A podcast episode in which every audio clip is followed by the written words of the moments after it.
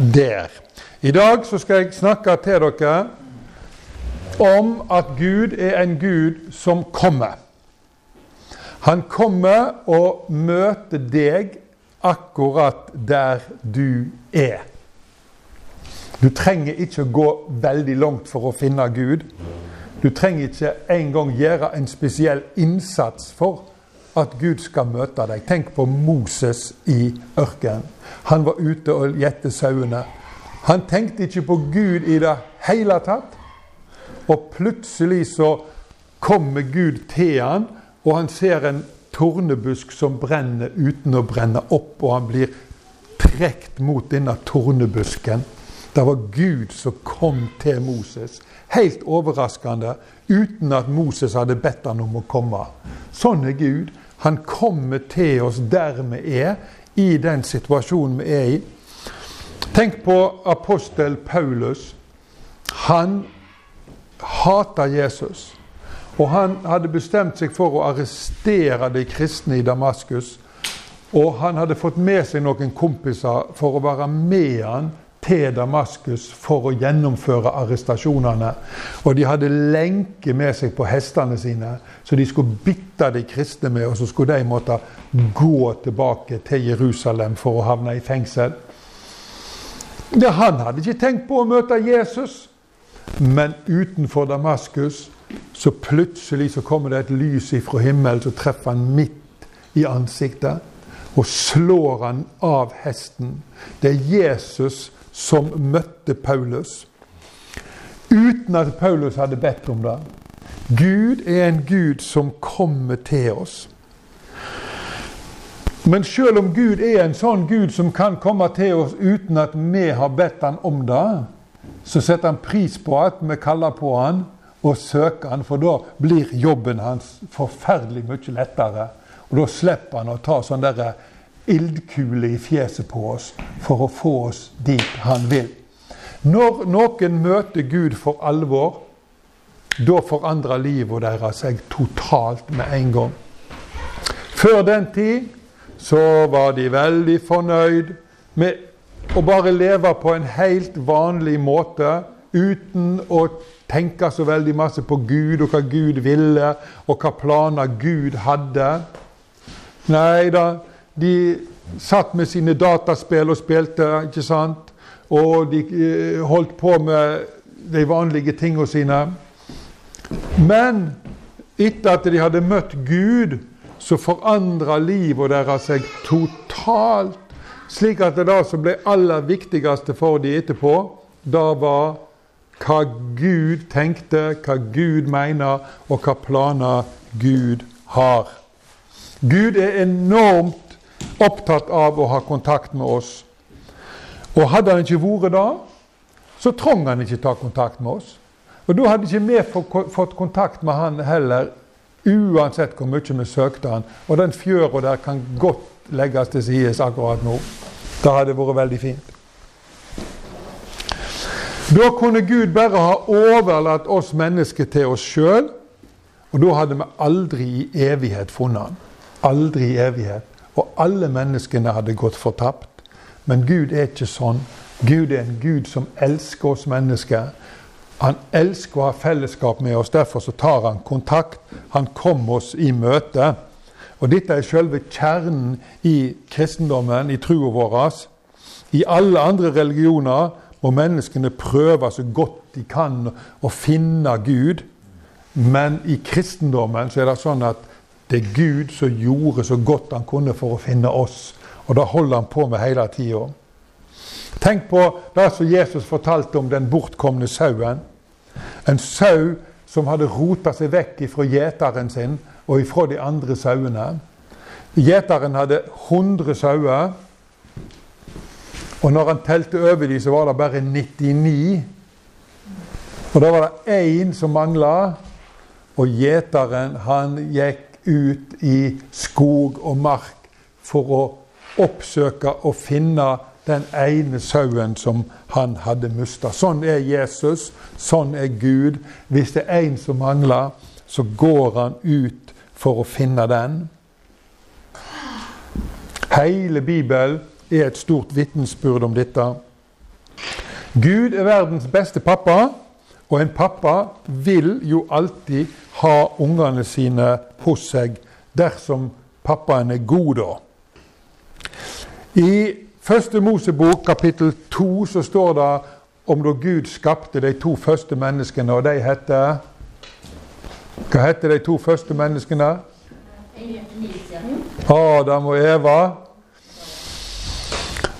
Uh, og Adam og Eva de var gartnere.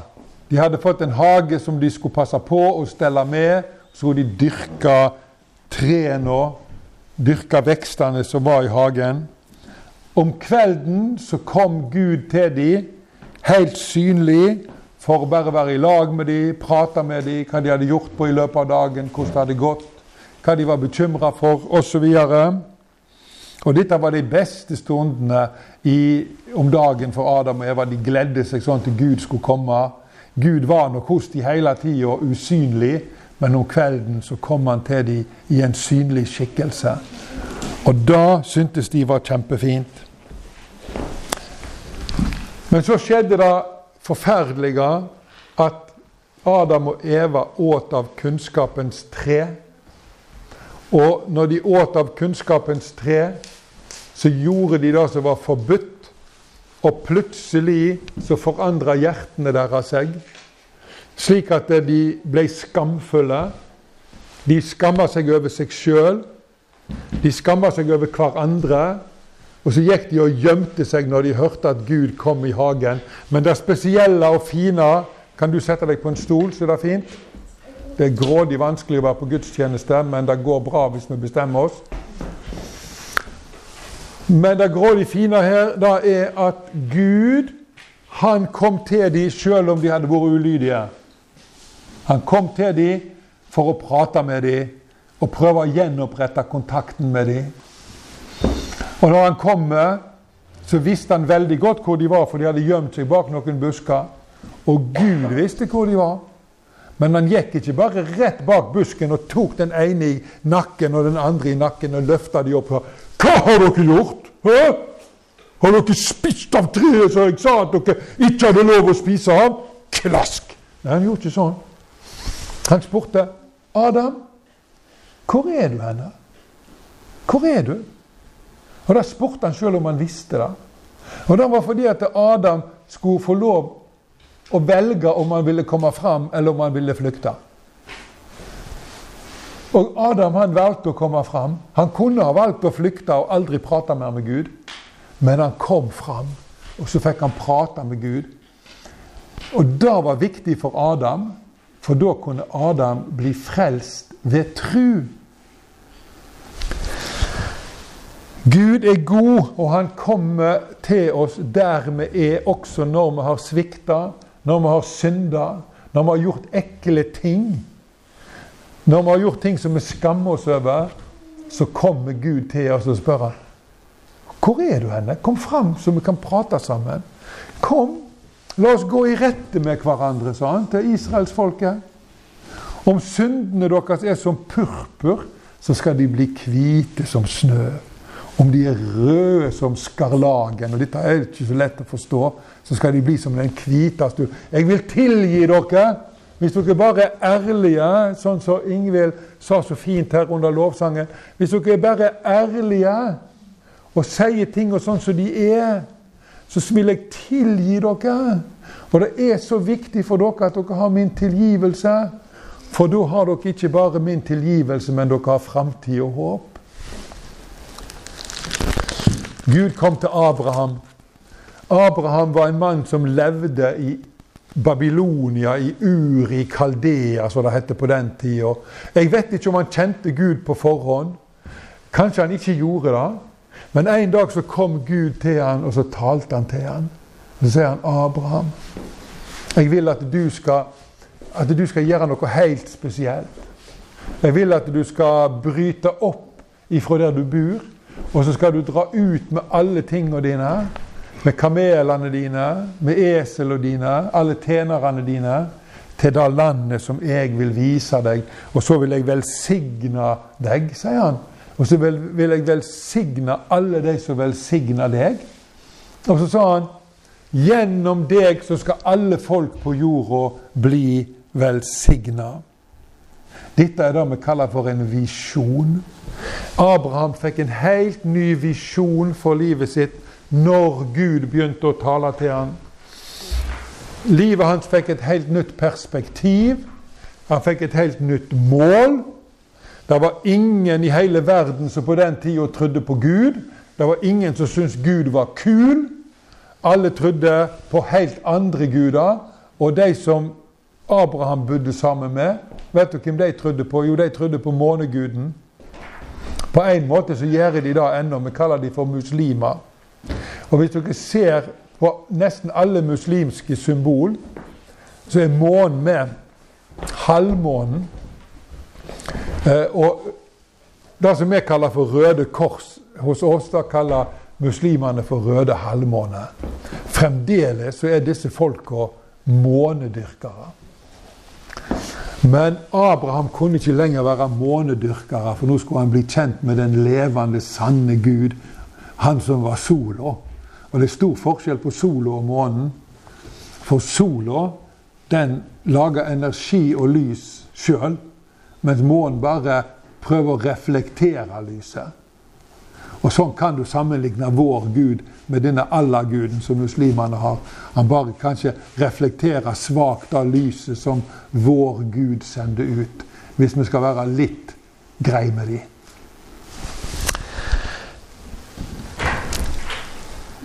Gud kommer til oss, og når han taler til oss, så skaper de ordene som han sier, tru i hjertene våre. Når han talte til Moses, så begynte Moses å tru på han. Når han talte til Abraham, så begynte Abraham å tru på han. Trua er kontaktpunktet mellom oss og Gud. Gud er en Gud som er usynlig, og han hjelper oss å se det som er usynlig. Tenk på deg sjøl. Ta deg sjøl som et eksempel. Hva ser du hos deg sjøl? Hvordan tenker du om deg sjøl?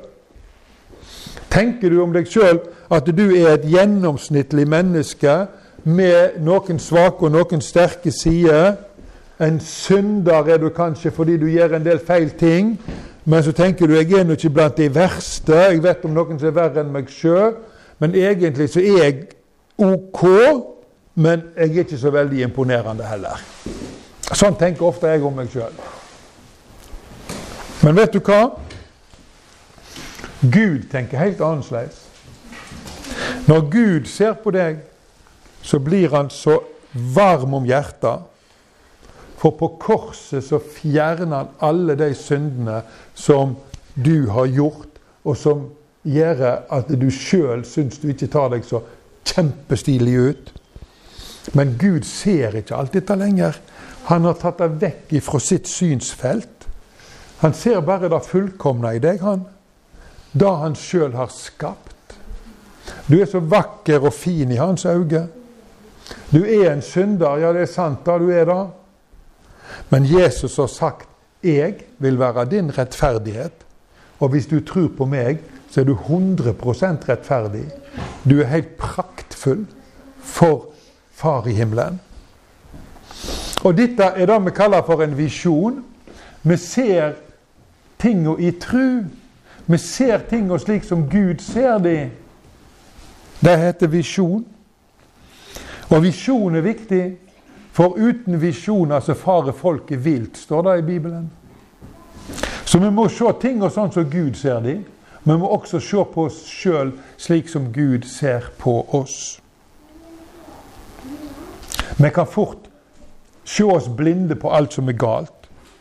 Både med oss sjøl og ikke minst med andre.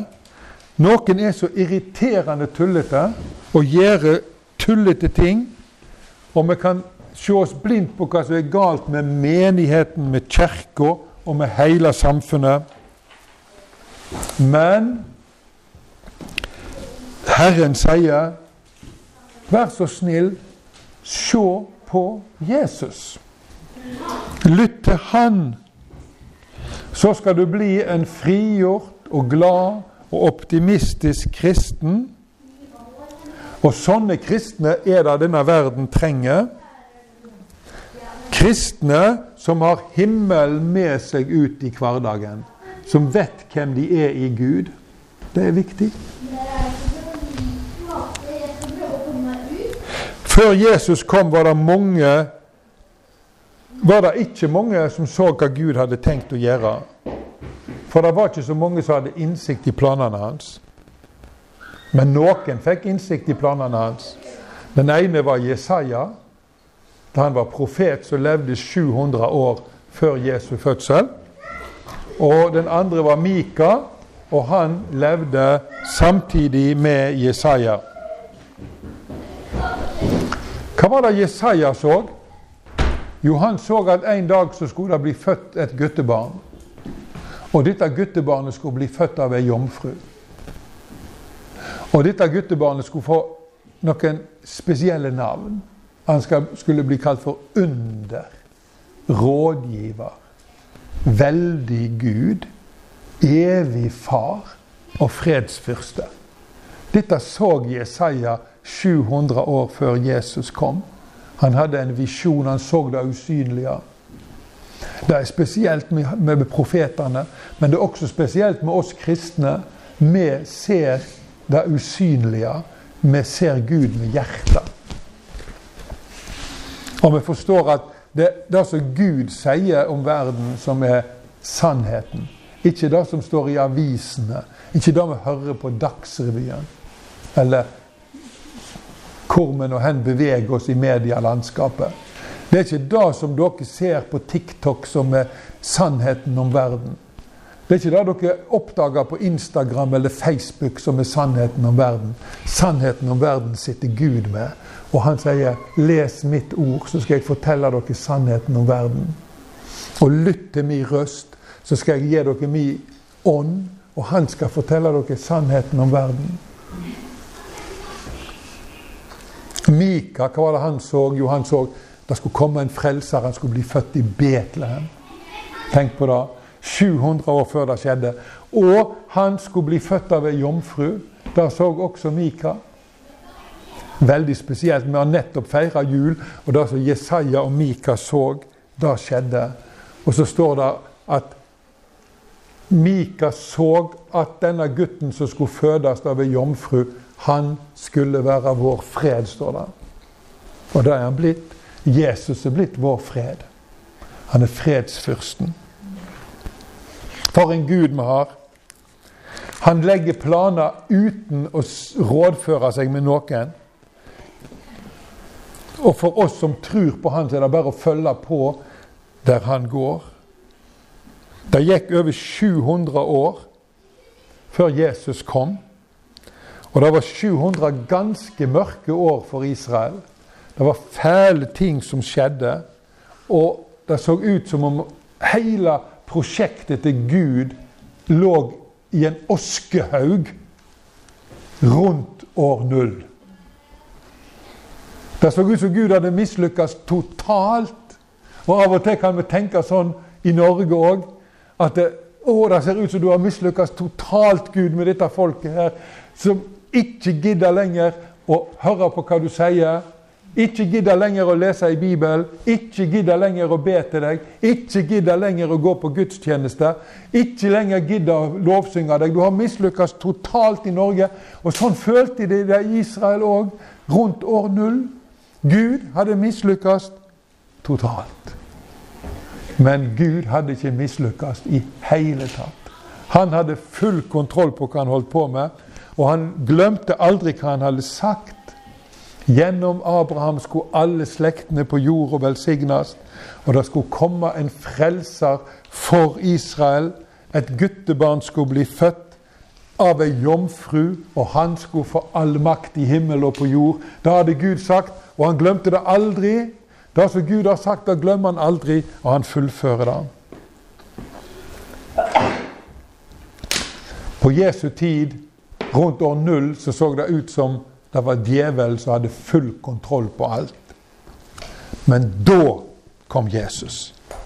Og ingen som hadde bedt om at han skulle komme. For en Gud vi har. Han kom da det så som mørkest ut. Og han påførte djevelen og verdensmakta et varig nederlag. Ja, han påførte døden et varig nederlag. Og nå vokser Guds rike fram over hele verden. Ikke uten kamp, ikke uten konflikt. Det er masse kamp og konflikt, men Guds rike går fram, og du og meg får lov til å være med på moroa. Og det er et enormt privilegium. Jesus kom til oss som et lite barn. Han vokste opp med lek og moro, og han hadde passelige arbeidsoppgaver i heimen. Sånn som andre unger har. Men da han var 30 år, da kom det en forandring. Han ble døpt. Og Den hellige ande kom over han, og han ble utrusta med store nådegaver. Og så starta han sin offentlige tjeneste. Han reiste fra by til by, han forkynte Guds rike, han helbreda de sjuke, han vekte opp de døde, han rensa spedalske, han satte fri de som var bundne, og frelste de som var fortapte. Han kom til folk der de var, med de problemene de hadde, og så gjorde han under inn i livet deres. Dette var Jesus sitt mønster. Ei kvinne fra Samaria hun hadde rota livet og framtida si grundig til. Hun var ensom og sint og bitter og skamfull. Men så kom Jesus inn i livet hennes. Han tilgav henne syndene, og alt forandra seg. Og denne dama ble en brannfakkel for Gud. Og er det noe som Gud ønsker for ditt liv, så er det at du skal være en brannfakkel for Han. Han vil gjøre deg til en brannfakkel for seg. Matteus han var toller og satt på tollbua i Kapernaum og jobba for romerne, og han var hata av alle sine bymedborgere. by eh. Men så kom Jesus og kalte han til å være sin disippel. Og Matteus sa opp jobben sin, slo seg i lag med Jesus, og han kom til å være en person som endra verdenshistorien. For det var han som skrev Matteusevangeliet. Et av de mest leste skriftene i hele verdenslitteraturen. Ei skrift som forvandla menneskeliv. Tenk på det. Jesus kom, og alt forandra seg. Jakob, Johannes, Peter og Andreas var fiskere. De satt og bøtte garn sammen med faren sin. Så kom Jesus susende inn på deres arena. Kalte de til etterfølgelse, og livet deres ble aldri det samme. De kom til å skape historie, og verden endra retning. Ei enke hadde mista sønnen sin, den eneste sønnen sin, og hun var på vei til grava med han. Så kom Jesus. Og hva skjedde? Jo, gutten ble vekk til live, og enka fikk sønnen sin tilbake. Først så hadde hun grener av sorg, og så begynte hun å grine av glede.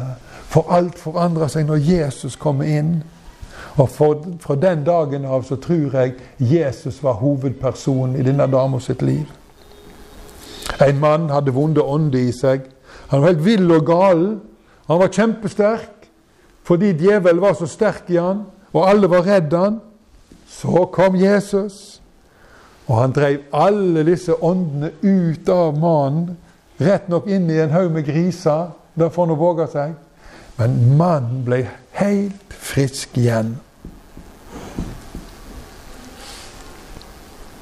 Så døde han, Jesusen, døde på korset.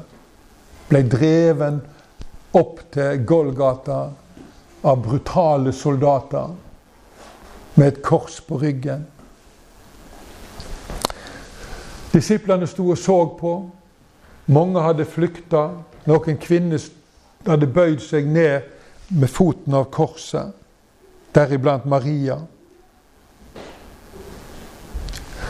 De så det, og de trodde alt håp var ute. Jesus kom aldri tilbake, tenkte de. Men selvfølgelig kom han tilbake. Hvorfor da? Jo, fordi han hadde sagt det. Han hadde sagt nå skal jeg reise opp til Jerusalem, og så kommer de til å pine meg og plage meg og torturere meg og korsfeste meg, og jeg kommer til å dø. Men den tredje dagen skal jeg stå opp igjen, hadde han sagt.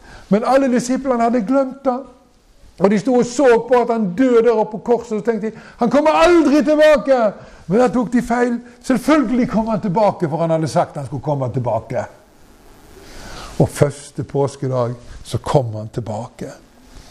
Disiplene hadde låst seg inne på et rom i Jerusalem, kjemperedde for at noen skulle komme og korsfeste dem òg.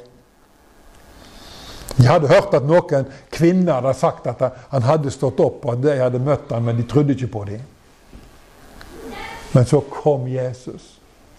De hadde ikke engang bedt om det, men han kom og sto midt imellom dem. Og så sa han 'Fred være med dere'. Jesus kommer til sine, og hver gang han kommer, så forandrer han menneskeliv. Det var én som ikke var sammen med dem den dagen, og det var Thomas.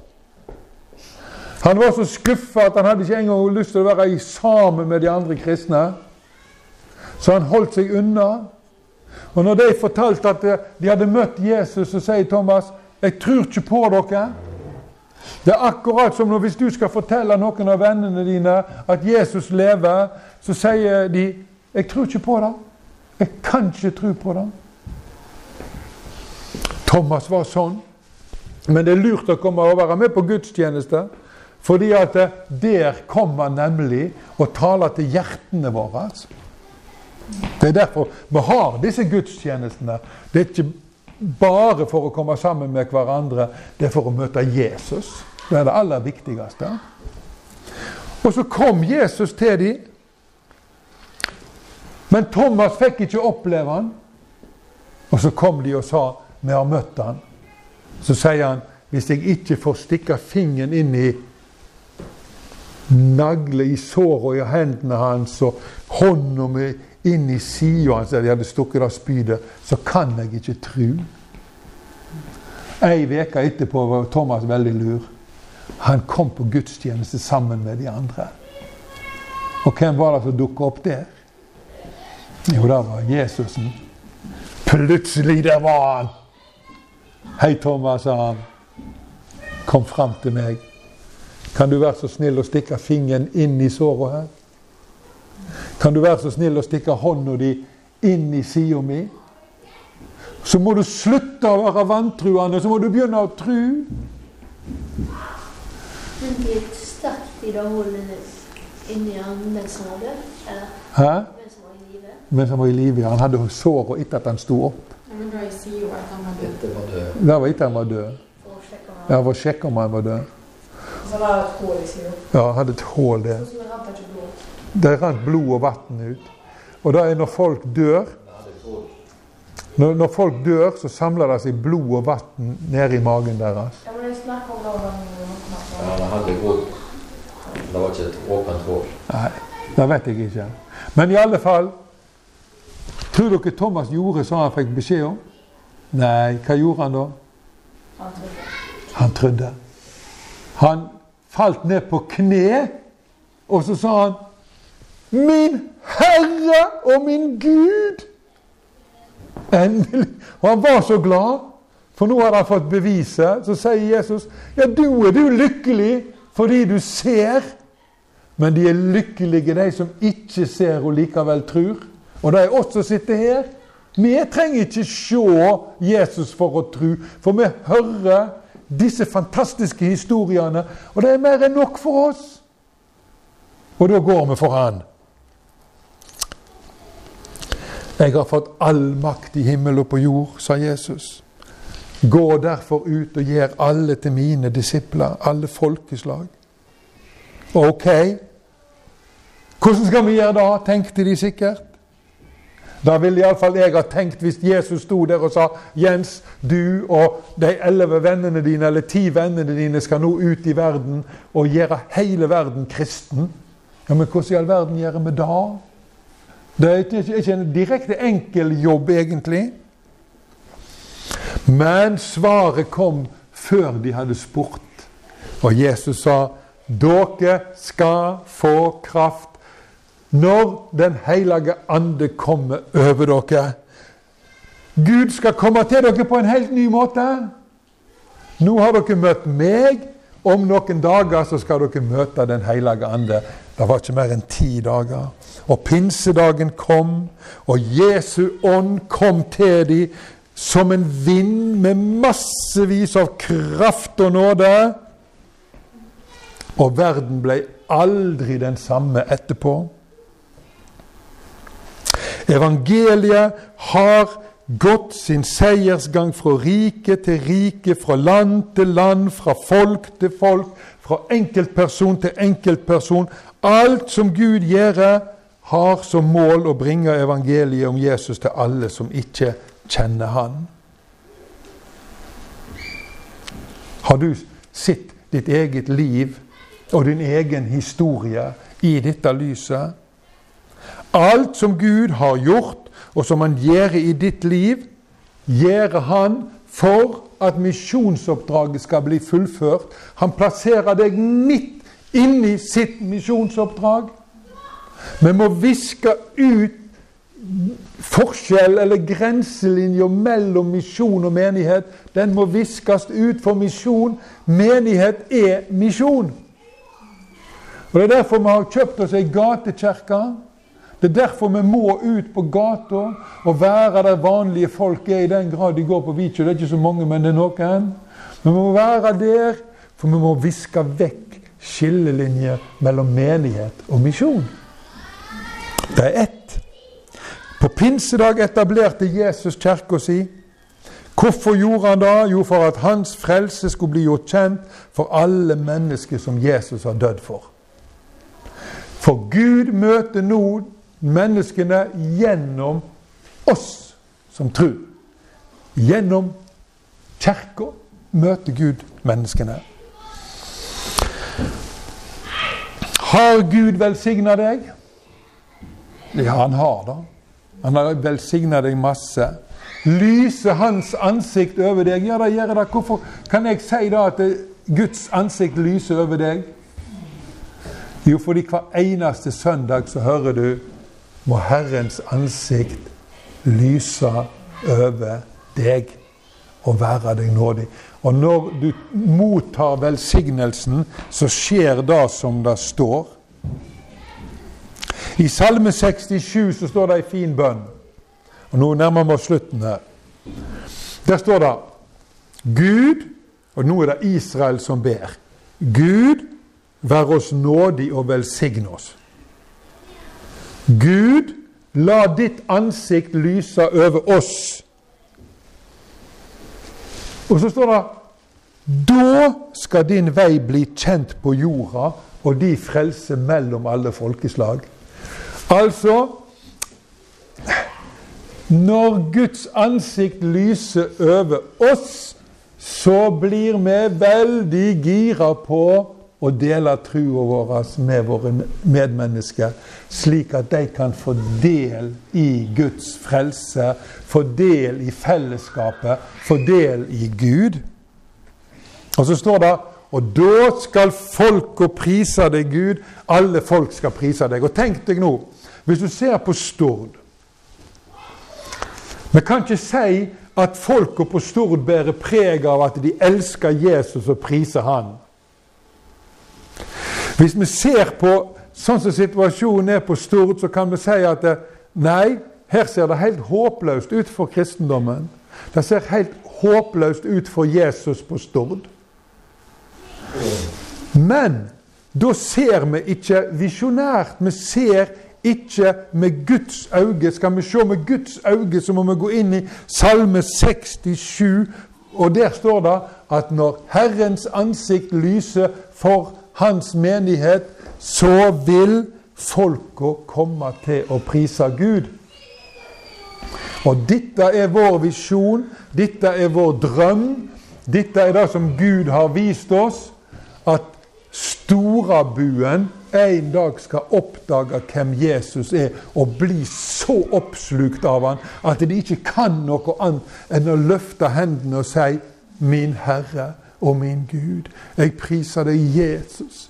Takk for at du døde for meg. Takk for at du er blitt min. Tenk på det, hvor fint. Alle på skolen hos dere kommer til å være Jesus-fokusert. Alle lærerne som jeg jobber i lag med, kommer til å være Jesus-fokusert. Hvorfor? Jo, fordi Guds ansikt har lyst over meg. Så kommer det til å skje. Skal vi klare, våge å tro det? Så kommer den dagen da oppdraget er fullført. Alle folk har fått høre om Jesus, fortrinnsvis på sitt eget språk. Guds rike blir etablert i alle folkeslag. Det er bare ca. 2000 folkeslag igjen nå. Så er tingene på plass. Lovsang og pris til Gud stiger opp fra hele verden på alle språk. Hva skjer da? Hva skjer da? Da kommer Jesus, slik som han kom i hagen, i synlig skikkelse, til oss. Og alle i hele verden skal se det samtidig. Det er som et lyn som går fra øst til vest, eller andre veien. Ingen er i tvil om hva som skjer. Ingen vil komme til å bale med andre ting når Jesus kommer. Alle har full fokus på én person. Kongen over kongene, Herren over herrene, verdens frelser og verdens dommer. Da er det viktig at vi er på den rette sida. At vi ikke har rotet oss over på feil side når Jesus kommer. Og det blir ikke så enormt lenge til. Jeg tenker meg innen 2040 så er han her. Ja. Altså, kommer han til å være én person? ja. Men tenk hvis han lander i USA eller. Det spiller ikke noen rolle. Du ser han her likevel. Han er i USA nå, og han er her. Han er nær i alle plasser der de samles i hans navn. Alle skal se han. Gud er sånn. Én person synlig overalt. Ikke spør meg hvordan, og jeg kan ikke svare. Men det er sånn Bibelen forteller oss at Gud er. Fabelaktig. Og det er jo egentlig litt stort, for vi er en veldig liten menighet. Men Jesu nærvær her er akkurat likt som han er i de store menighetene. Akkurat nå så er det sikkert mange som er samla ja, ja, Ikke så mange nå som kanskje før pandemien. Men, men det er ikke noe forskjell på Jesus der og her, altså. Det må ingen tro. Det er nett på samme måten. Og så står det da helt til slutt at når, når Jesus har kommet igjen, og menigheten er samla sammen med Han i Guds himmel Og dette var noe som Dette er også en visjon, folkens. For dette er en visjon som Johannes fikk rundt år 90, når han var på Patmos, ei øy. Han jobba i et steinbrudd på Patmos, apostel Johannes. Han var forvist, det var en del av forfølgelsen. Så ser han et syn, og det synet er sånn Han ser en skare som er så stor at ingen kan telle den, av folk som er kledd i hvite klær. Og så spør han en engel hvem er dette. Så sier engel dette er de som er kommet ut av den store trengsel. De som har vaska klærne sine og gjort de hvite i lammets blod. Og Da forstår vi at det er litt spesielt med dette blodet til Jesus. Det gjør oss hvite og ikke røde. Så det er jo litt merkelig, da. Men det er mye merkelig med Gud. Men da sa han dette er mennesker ifra alle nasjoner, alle stammer, alle folkeslag og alle språk. De var samla framfor Guds truna. Og hva gjorde de det? Hva gjorde de det? Alle disse folka? Ja, de ropte og sang. De drev ikke på med iPad. De drev ikke på med det ene eller det andre. De var så oppslukt av Jesus, så sa de Verdig, verdig, verdig er Guds land. Han som kjøpte oss til Gud med sitt blod. Da var det de sang. Og da skal jeg si dere, og det gjelder også de som nå sliter med å være med i lovsangen. Den dagen når Jesus har samla dere i sin himmel, så kommer ikke lovsangen til å bli et problem. Da skal jeg love dere. Da blir lovsangen livet. Og dere kan stå der, og da, dere tenker aldri Og hvor lenge skal vi holde på med dette her, egentlig? Nå er jeg så trøtt og lei av denne lovsangen. Nei, da er du sugd inn i det. Og så, dette er det gøyeste jeg har vært med på. Nå er jeg i flyten. Nå er jeg i flyten. Og du ser Jesus, og du blir så imponert over størrelsen hans. Lovsangen er òg et valg. Ja. Han velger å gå inn i det sjøl uansett hvordan følelsene sine er. Ja. Han velger å gå inn fordi at en tror at det er bra for en. Ja. Tror det bra for en, så velger en selv om en følelsene sier nei, opp, jeg orker ikke, jeg har bare lyst til å sove. Jeg har lyst til å sånn. Det valget da tar jeg hver eneste dag. Det gjør jeg jo. Ære være Faderen og Sønnen og Den hellige ande, som var og er og være skal, en sann Gud fra Eva og til Eva. Amen.